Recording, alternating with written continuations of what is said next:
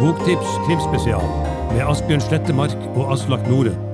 Dagens gjest er Gjermund Stenberg Eriksen.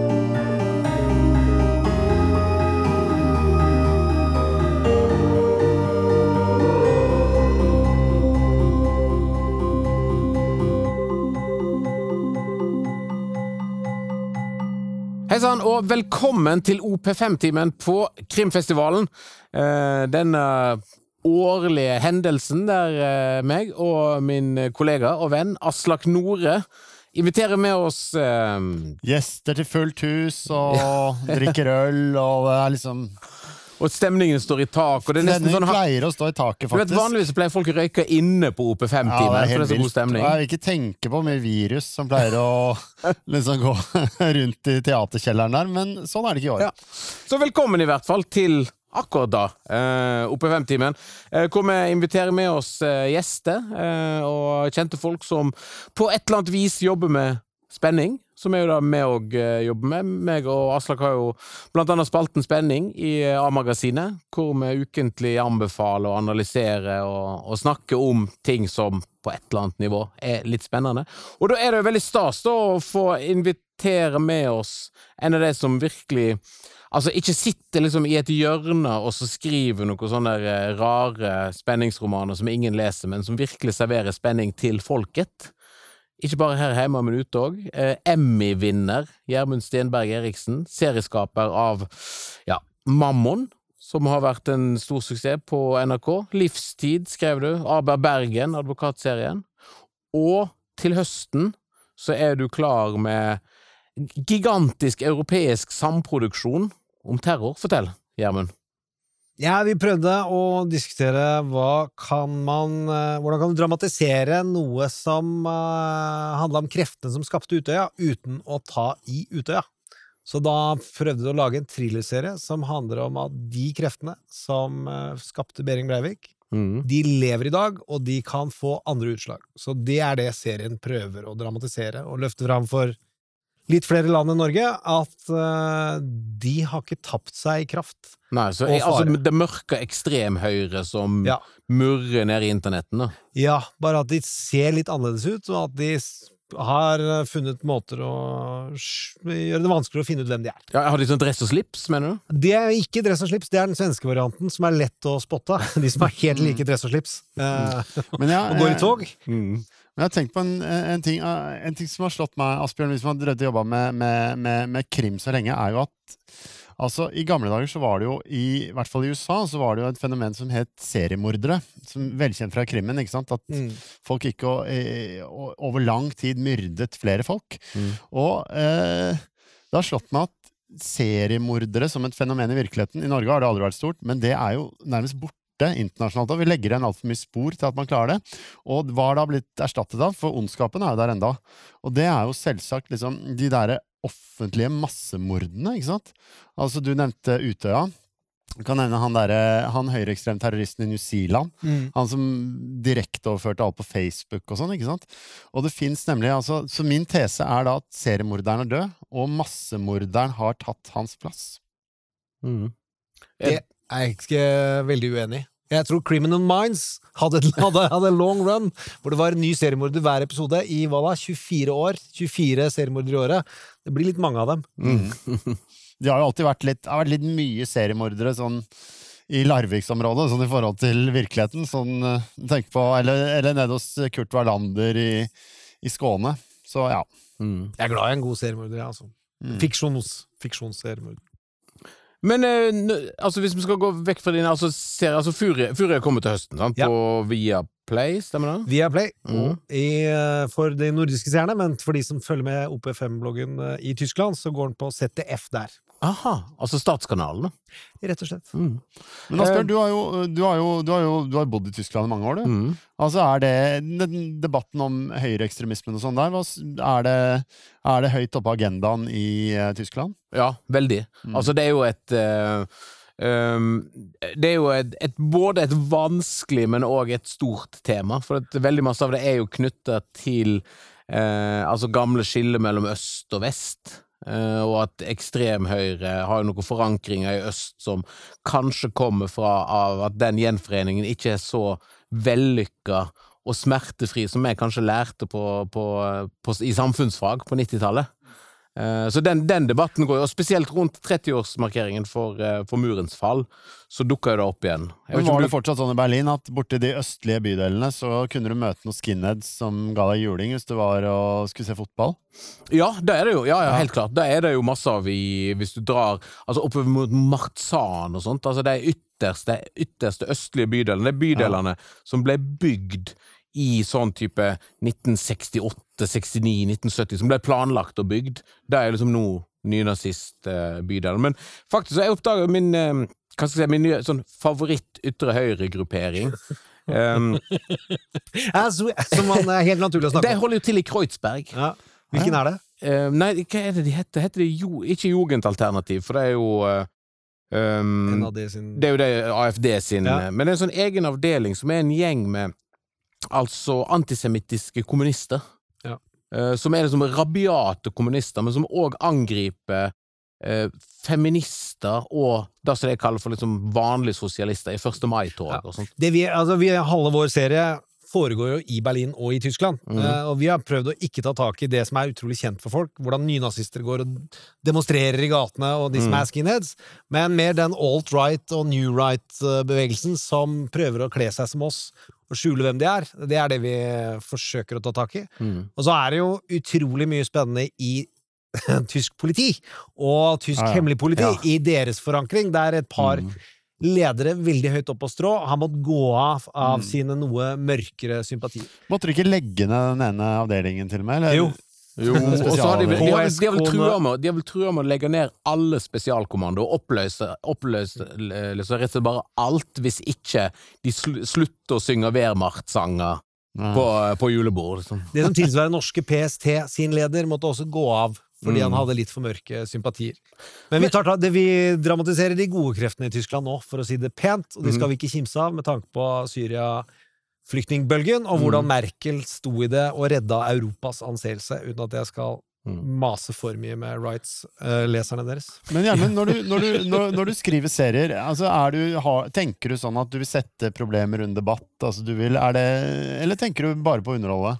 Nei, jeg skriver om ting jeg kjenner på, altså som jeg er politisk engasjert. Jeg prøver ikke å være politisk forkynnende i noe som grad, men altså, hva som er store trender som renner ut av kulturen, Ja. er vel er ikke jeg noe annet enn et vanlig eh, norsk menneske, tror jeg. Så Mm. det å ta og se på hvordan eh, islamfrykten, islamofobien, henger sammen med framveksten av en ny type høyreekstremisme, uh, syns jeg det var spennende å ta. Men hvis vi ser, ser litt tilbake til tida, altså, i tida og bare prøver å finne noen sånn favorittserier om ytre høyre, har dere, kommer dere på noen filmer eller serier eller historier? Altså, jeg personlig så jeg har, jeg har ikke turt, tørt å se han om igjen, for at jeg husker jeg syntes han var så kul når han kom, men han kanskje ikke har tålt tidens stand, men Romper Stomper Ja, ja, ja, ja. Husker dere den australske, Australske, filmen med Ja, Russell. Crowe som Ja. beinhard Det er gjennombruddet Russell Crowe, er det ikke Ja. det? I fall, ja, ja. Nei, den er, den er sterk. Ja.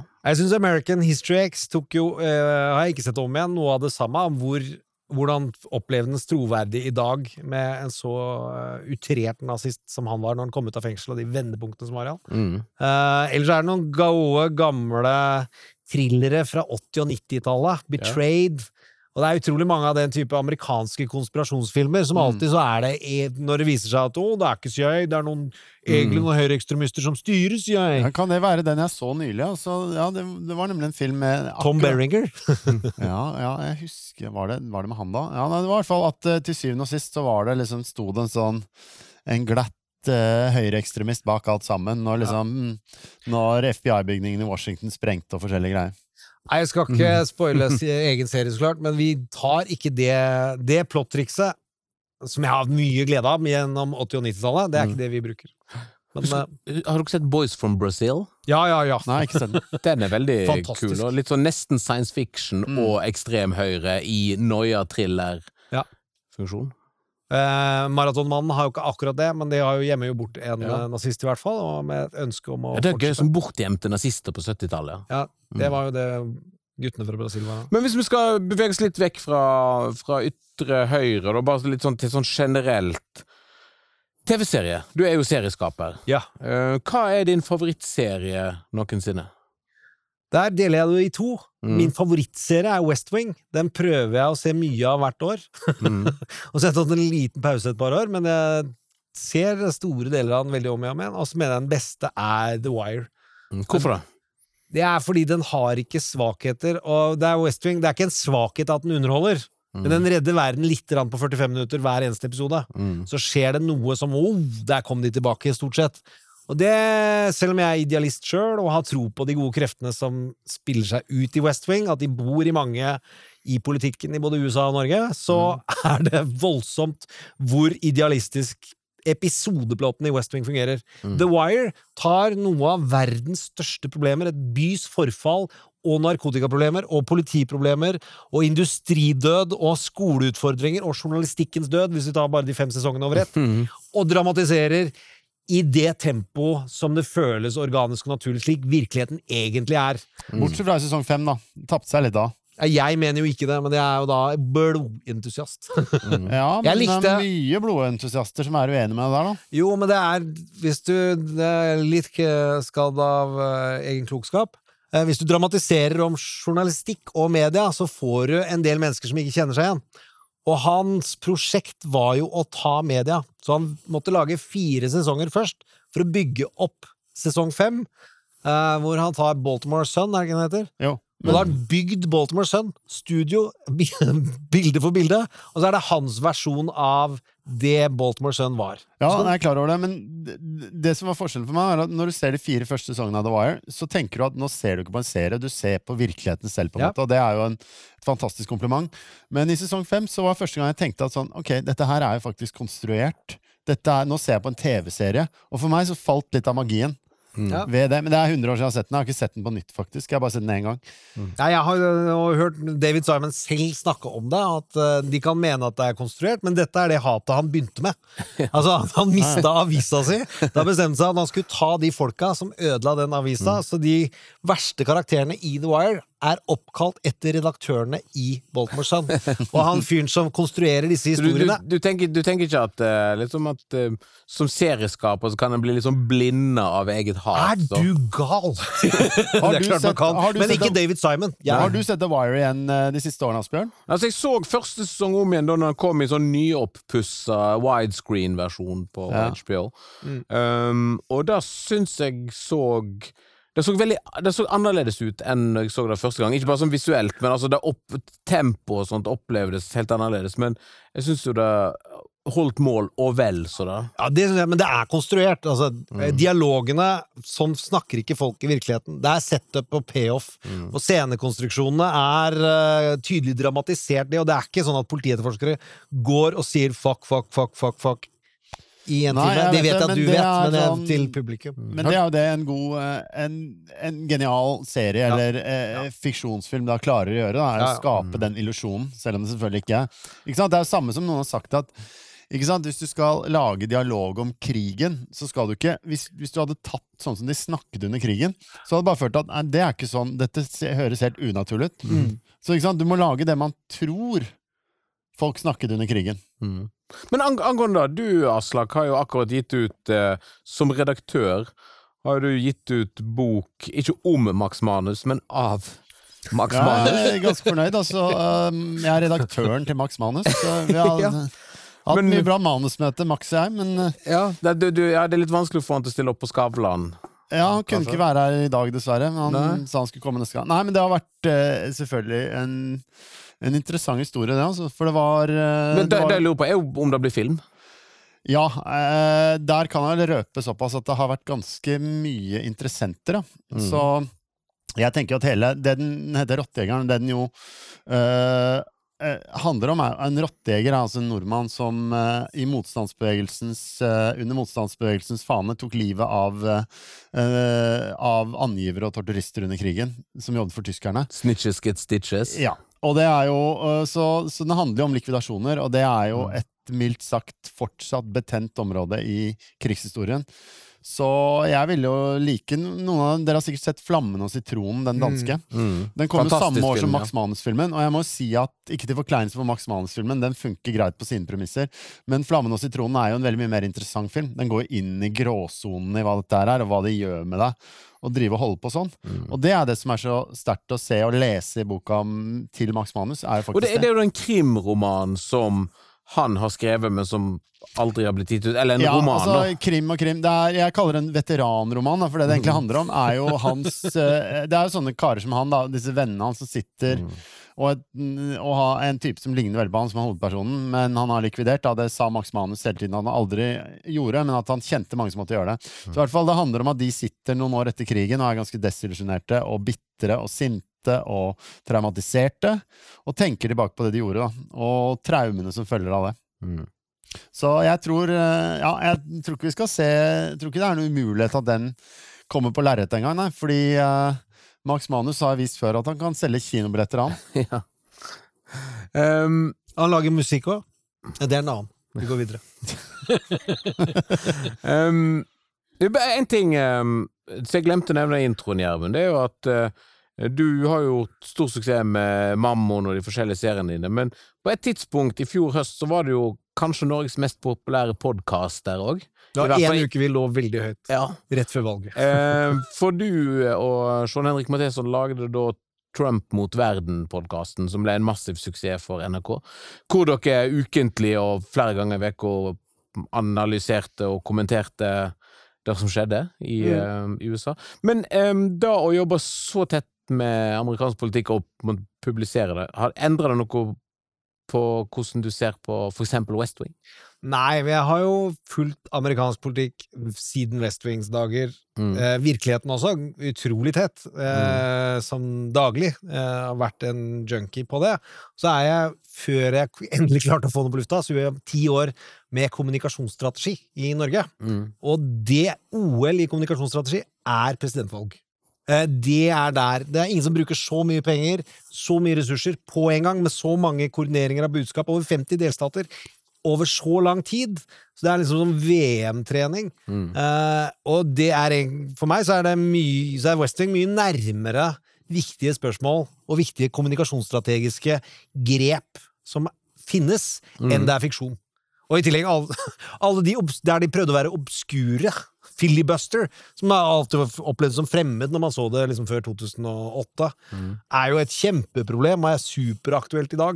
Eller miljøvernskampen, som han dramatiserer glimrende om de ulike typer miljøverns i en genial episode.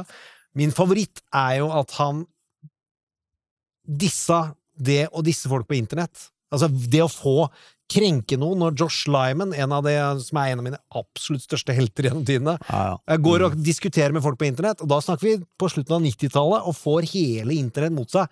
Som vi måtte jo få Twitter for å lære oss hvordan dette egentlig funka, men Sorkin tok tak i det 20 år før eh, det ble en naturlig del av alle foreldremøter i Norge. Mm. Um, Kjører du samme stil som Sorkin i gamle dager? Måten han drev og ble kreativ på? Da han satt sammen med kokaindealeren sin og, og snorta, og så var han livredd for å slutte, for han følte at da kom han til å miste magien i dialogskrivingen. Har du kjent på samme? At hvis Aldri. du slutter med kokain, så blir det Jeg er, ikke, jeg er utrolig kjedelig fyr fra Mysten. Jeg er veldig god på gin tonic eh, og hvitvin, eh, men skriver da hårreisende dårlig hvis jeg er i nærheten av alkohol. Mm. Eh, best å holde seg edru. Hvem er tidenes beste skurk? Det er Swearingen i Deadwood, mener jeg.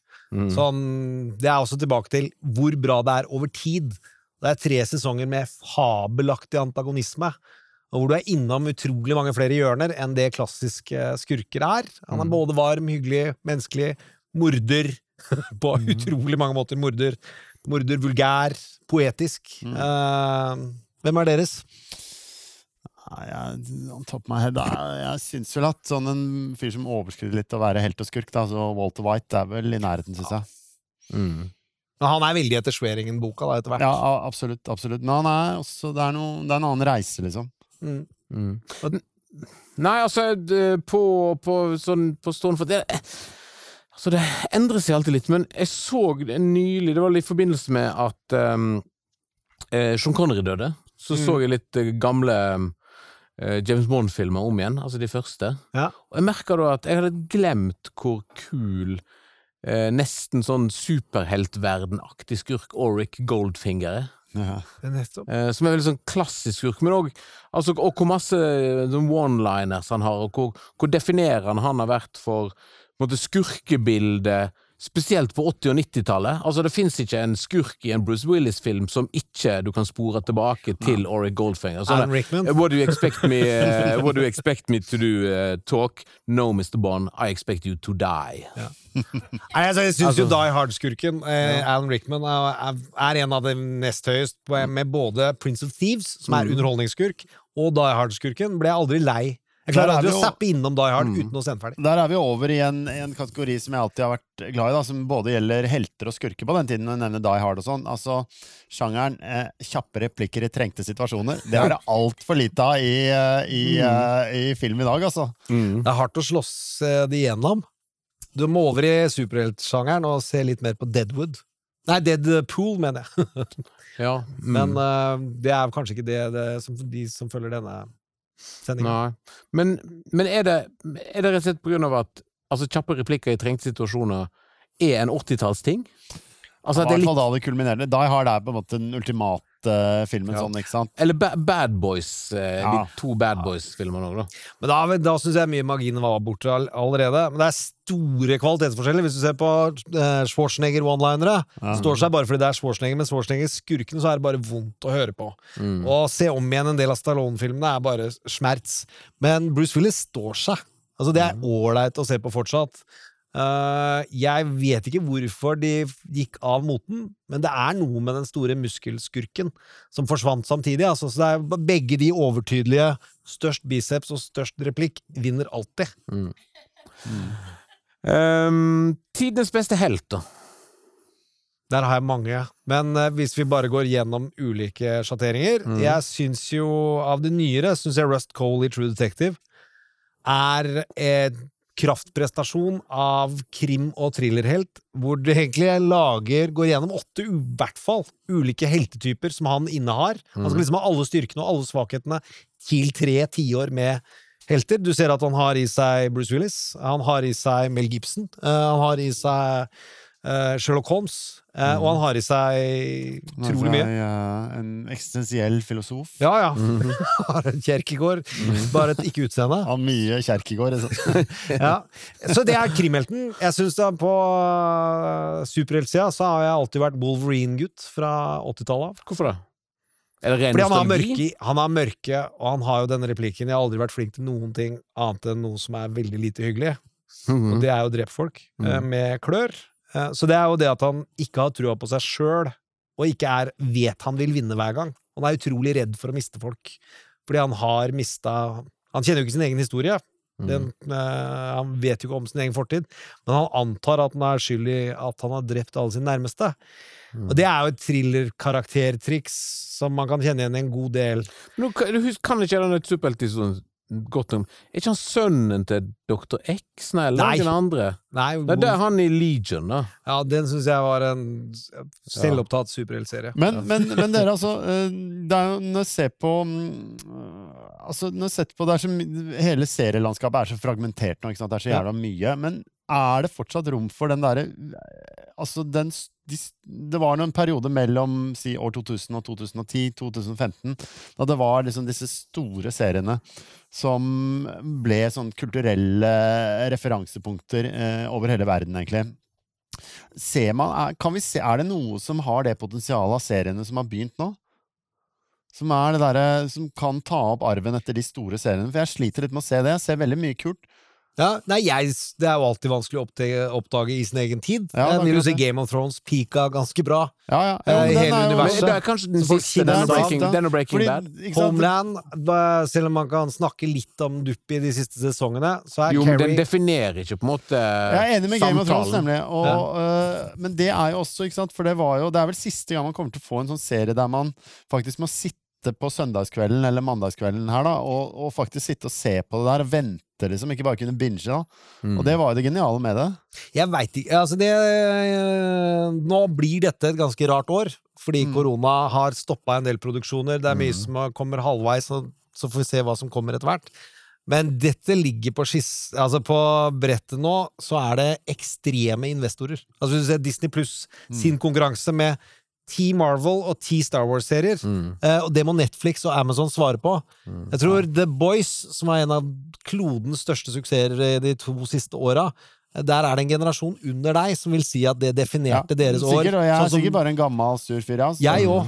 altså, jeg er kanskje surere enn deg. Jeg er kjempefan av The Boys. Nei, jeg Det betyr at jeg er en ung og blid Ja, fyr. Asbjørn er ung og blid, vet du. Men, Ja. Jeg er fan av The Boys. Jeg syns det var noe av det bedre. men hva skjer med, hva skjer med den, eh, den derre kinesiske sci-fien, altså Three Body Problem? Den tenker jeg er litt sånn Den har et potensial. Men Der den, skal de jo satse litt, tror jeg. ja, men den ble ikke den eh, Altså, Three Body Problem, trelegemeproblemet. Ja.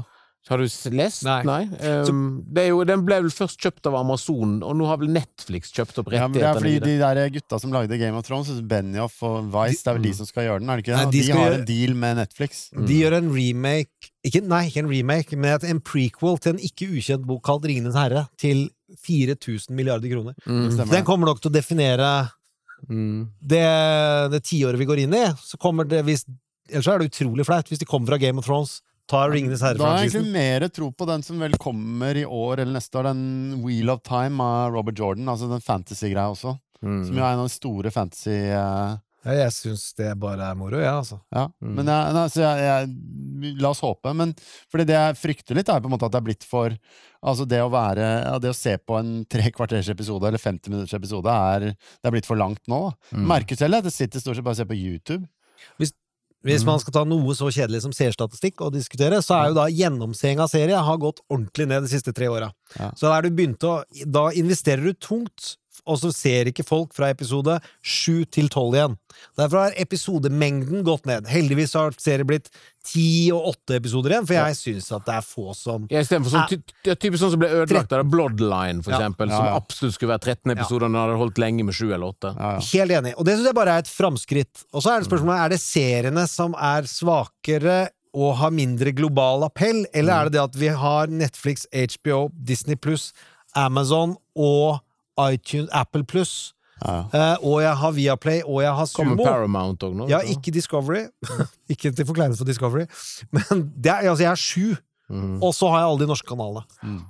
Men det er derfor du trenger sånne som meg og Ja, er jeg, i ja. Aftenposten i A-magasinet til å fortelle hva du skal se på. da, Vet du. Du er med nærmer oss eh, slutten her, men um, kjapt. Det har jo vært en del dramatiske norske uh, hva skal jeg si, true crime-serier som har blitt dokumentarer av i det siste. Altså Mm. Baneheia-saken, eh, Scandinavian Star i forbindelse med markeringen for blir vel 30-årsdagen for, eh, for mordbrannen. Utrolig Eh, bra journalistisk håndverk òg. ja, og, og den eh, fabelaktige Estonia-dokumentaren. Enda Um, viktigere. Men hvis du skulle ha valgt eh, som dramamann å plukke én norsk true crime, en kjent norsk krimhistorie, og lage drama det Bortsett fra Arne Treholt-saken, da.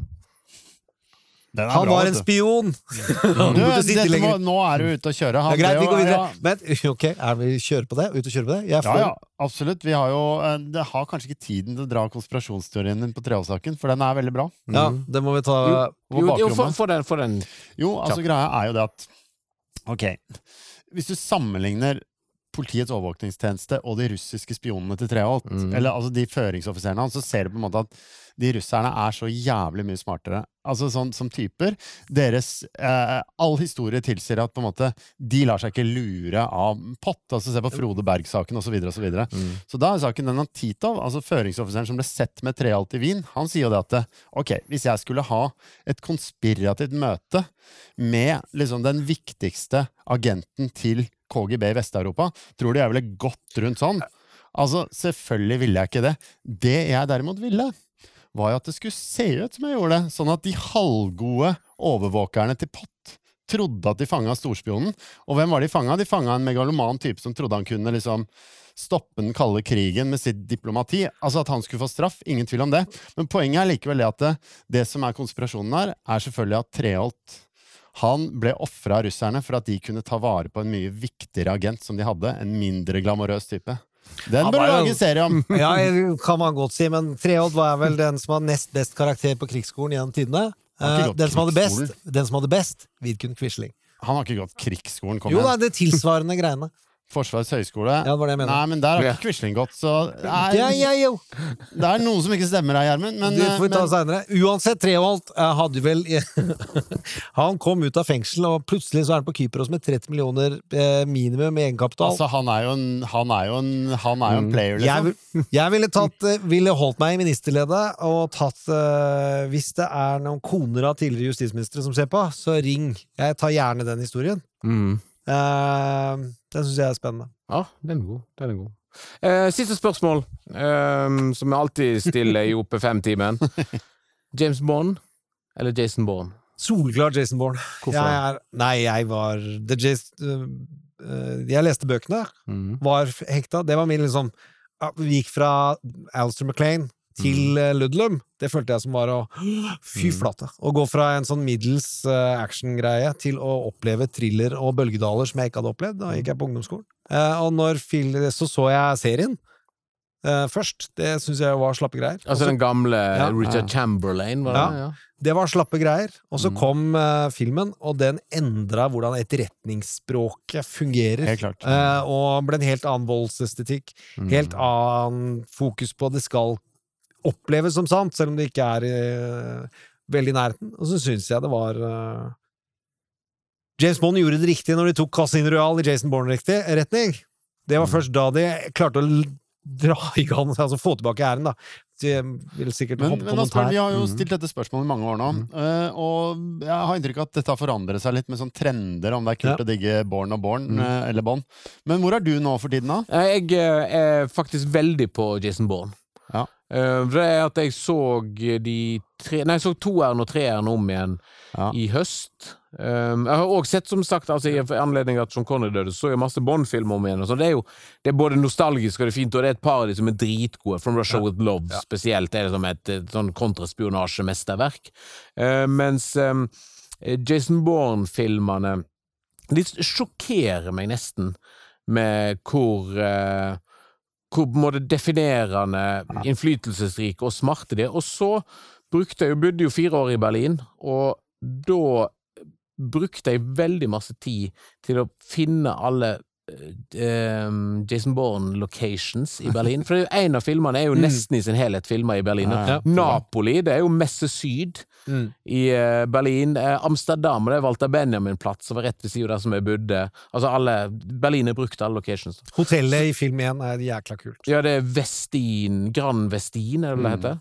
Det ligger rett ved siden av Adlon på midt, Men jeg, altså jeg havna på sjukehus, Mm. eh, og da hadde jeg på iPaden bare tre Jason Bourne-filmer. Mm. Og så skulle jeg det, Da så jeg alle tre etter hverandre. Mm. Det er en TV-seriedramaturgi. Altså jeg, hadde ikke, jeg hadde alltid sett det i avstand, og hvor tett opp Ja. de driver og refererer til den forrige filmen og Ja, for det er Det er veldig gjennomtenkt. Bare hvordan Ja. Film tre eksisterer vel egentlig nesten i sin helhet inni film to, Ja. Altså helt på tampen Og så har du den der, det at, eh, at Born begynner i vannet og slutter i vannet. Ja. Så det er jo det som er at Da må vi jo si Han heter jo Born, Mm. så det er jo fødsel. Skal Ja, ja, men også den der, og det er jo en så fantastisk slutt av det der at sånn uh, meanwhile, mystery surrounds the fate of uh, David Webb, who was shot and fell from a rooftop, blah, blah, blah, into Hudson River. Og så ser du hun derre hun der, Hva er det Pam. heter? Ja. Hun sitter og bare er lei seg. Ser, er- Har det skjedd noe med Jason? Og så sier sånn However, after three day body search, uh, his uh, body remains to be found. Og så ser du hun smiler lite grann, Ja. og så begynner Jason Bourne. Ja. Det mener jeg er en så perfekt slutt. For Helt da enig, går helt enig. jeg husker jeg gikk ut av kinosalen. Siste bra låta til Moby. Ja. Yes! Og så kommer Moby. Så de skulle jo slutta der, da. De skulle jo ikke Ja, lagd ja. de to andre, som er mye dårligere. Men late oss ikke eksisterer. Mm. Jeg løper til Moby, den Moby-låta en gang i måneden, minimum. Mm. Ja, du snakker til eh, Du snakker til er- Du er pave og snakker til katolikker her. Ja, det. det, det er veldig, veldig fint. Han er jo uenig med et par katolikker i USA. Verdens beste spionrock. Ja. Altså Bond Det er Men Moby. Extreme Ways. Ja. Men jeg er undervurdert spion, thriller, krim, Atomic Blonde fra Berlin. Ja, den den er syns jeg er kick-ass kul, altså. Jeg vil ikke spoile noen ting, men bør ses. Den har også et fett soundtrack fra himmelen. Men liker den ikke. Tusen hjertelig takk til deg, Jan Stenberg Eriksen, og eh, ikke minst lykke til med Furia. Trengs. Ja, September, september, september. Mm, på Viaplay. Viaplay, Viaplay, Viaplay. Yes, Så da da må- øl og så da må du ha enda et i abonnement og kos dere det. masse, ha det gøy. Mm. Nei. Takk for oss. Eh, Kos deg videre med alle de andre nydelige programmene på Krimfestivalen. Det er vel 50 arrangement til sammen. Vi setter veldig pris på at du har sett eh, hele dette programmet, at du fremdeles henger med nå. Jeg Gjør gjerne da med de andre postene på Krimfestivalen òg. Snakkes til neste år. Boktips, en podkast fra Cappelen Dam.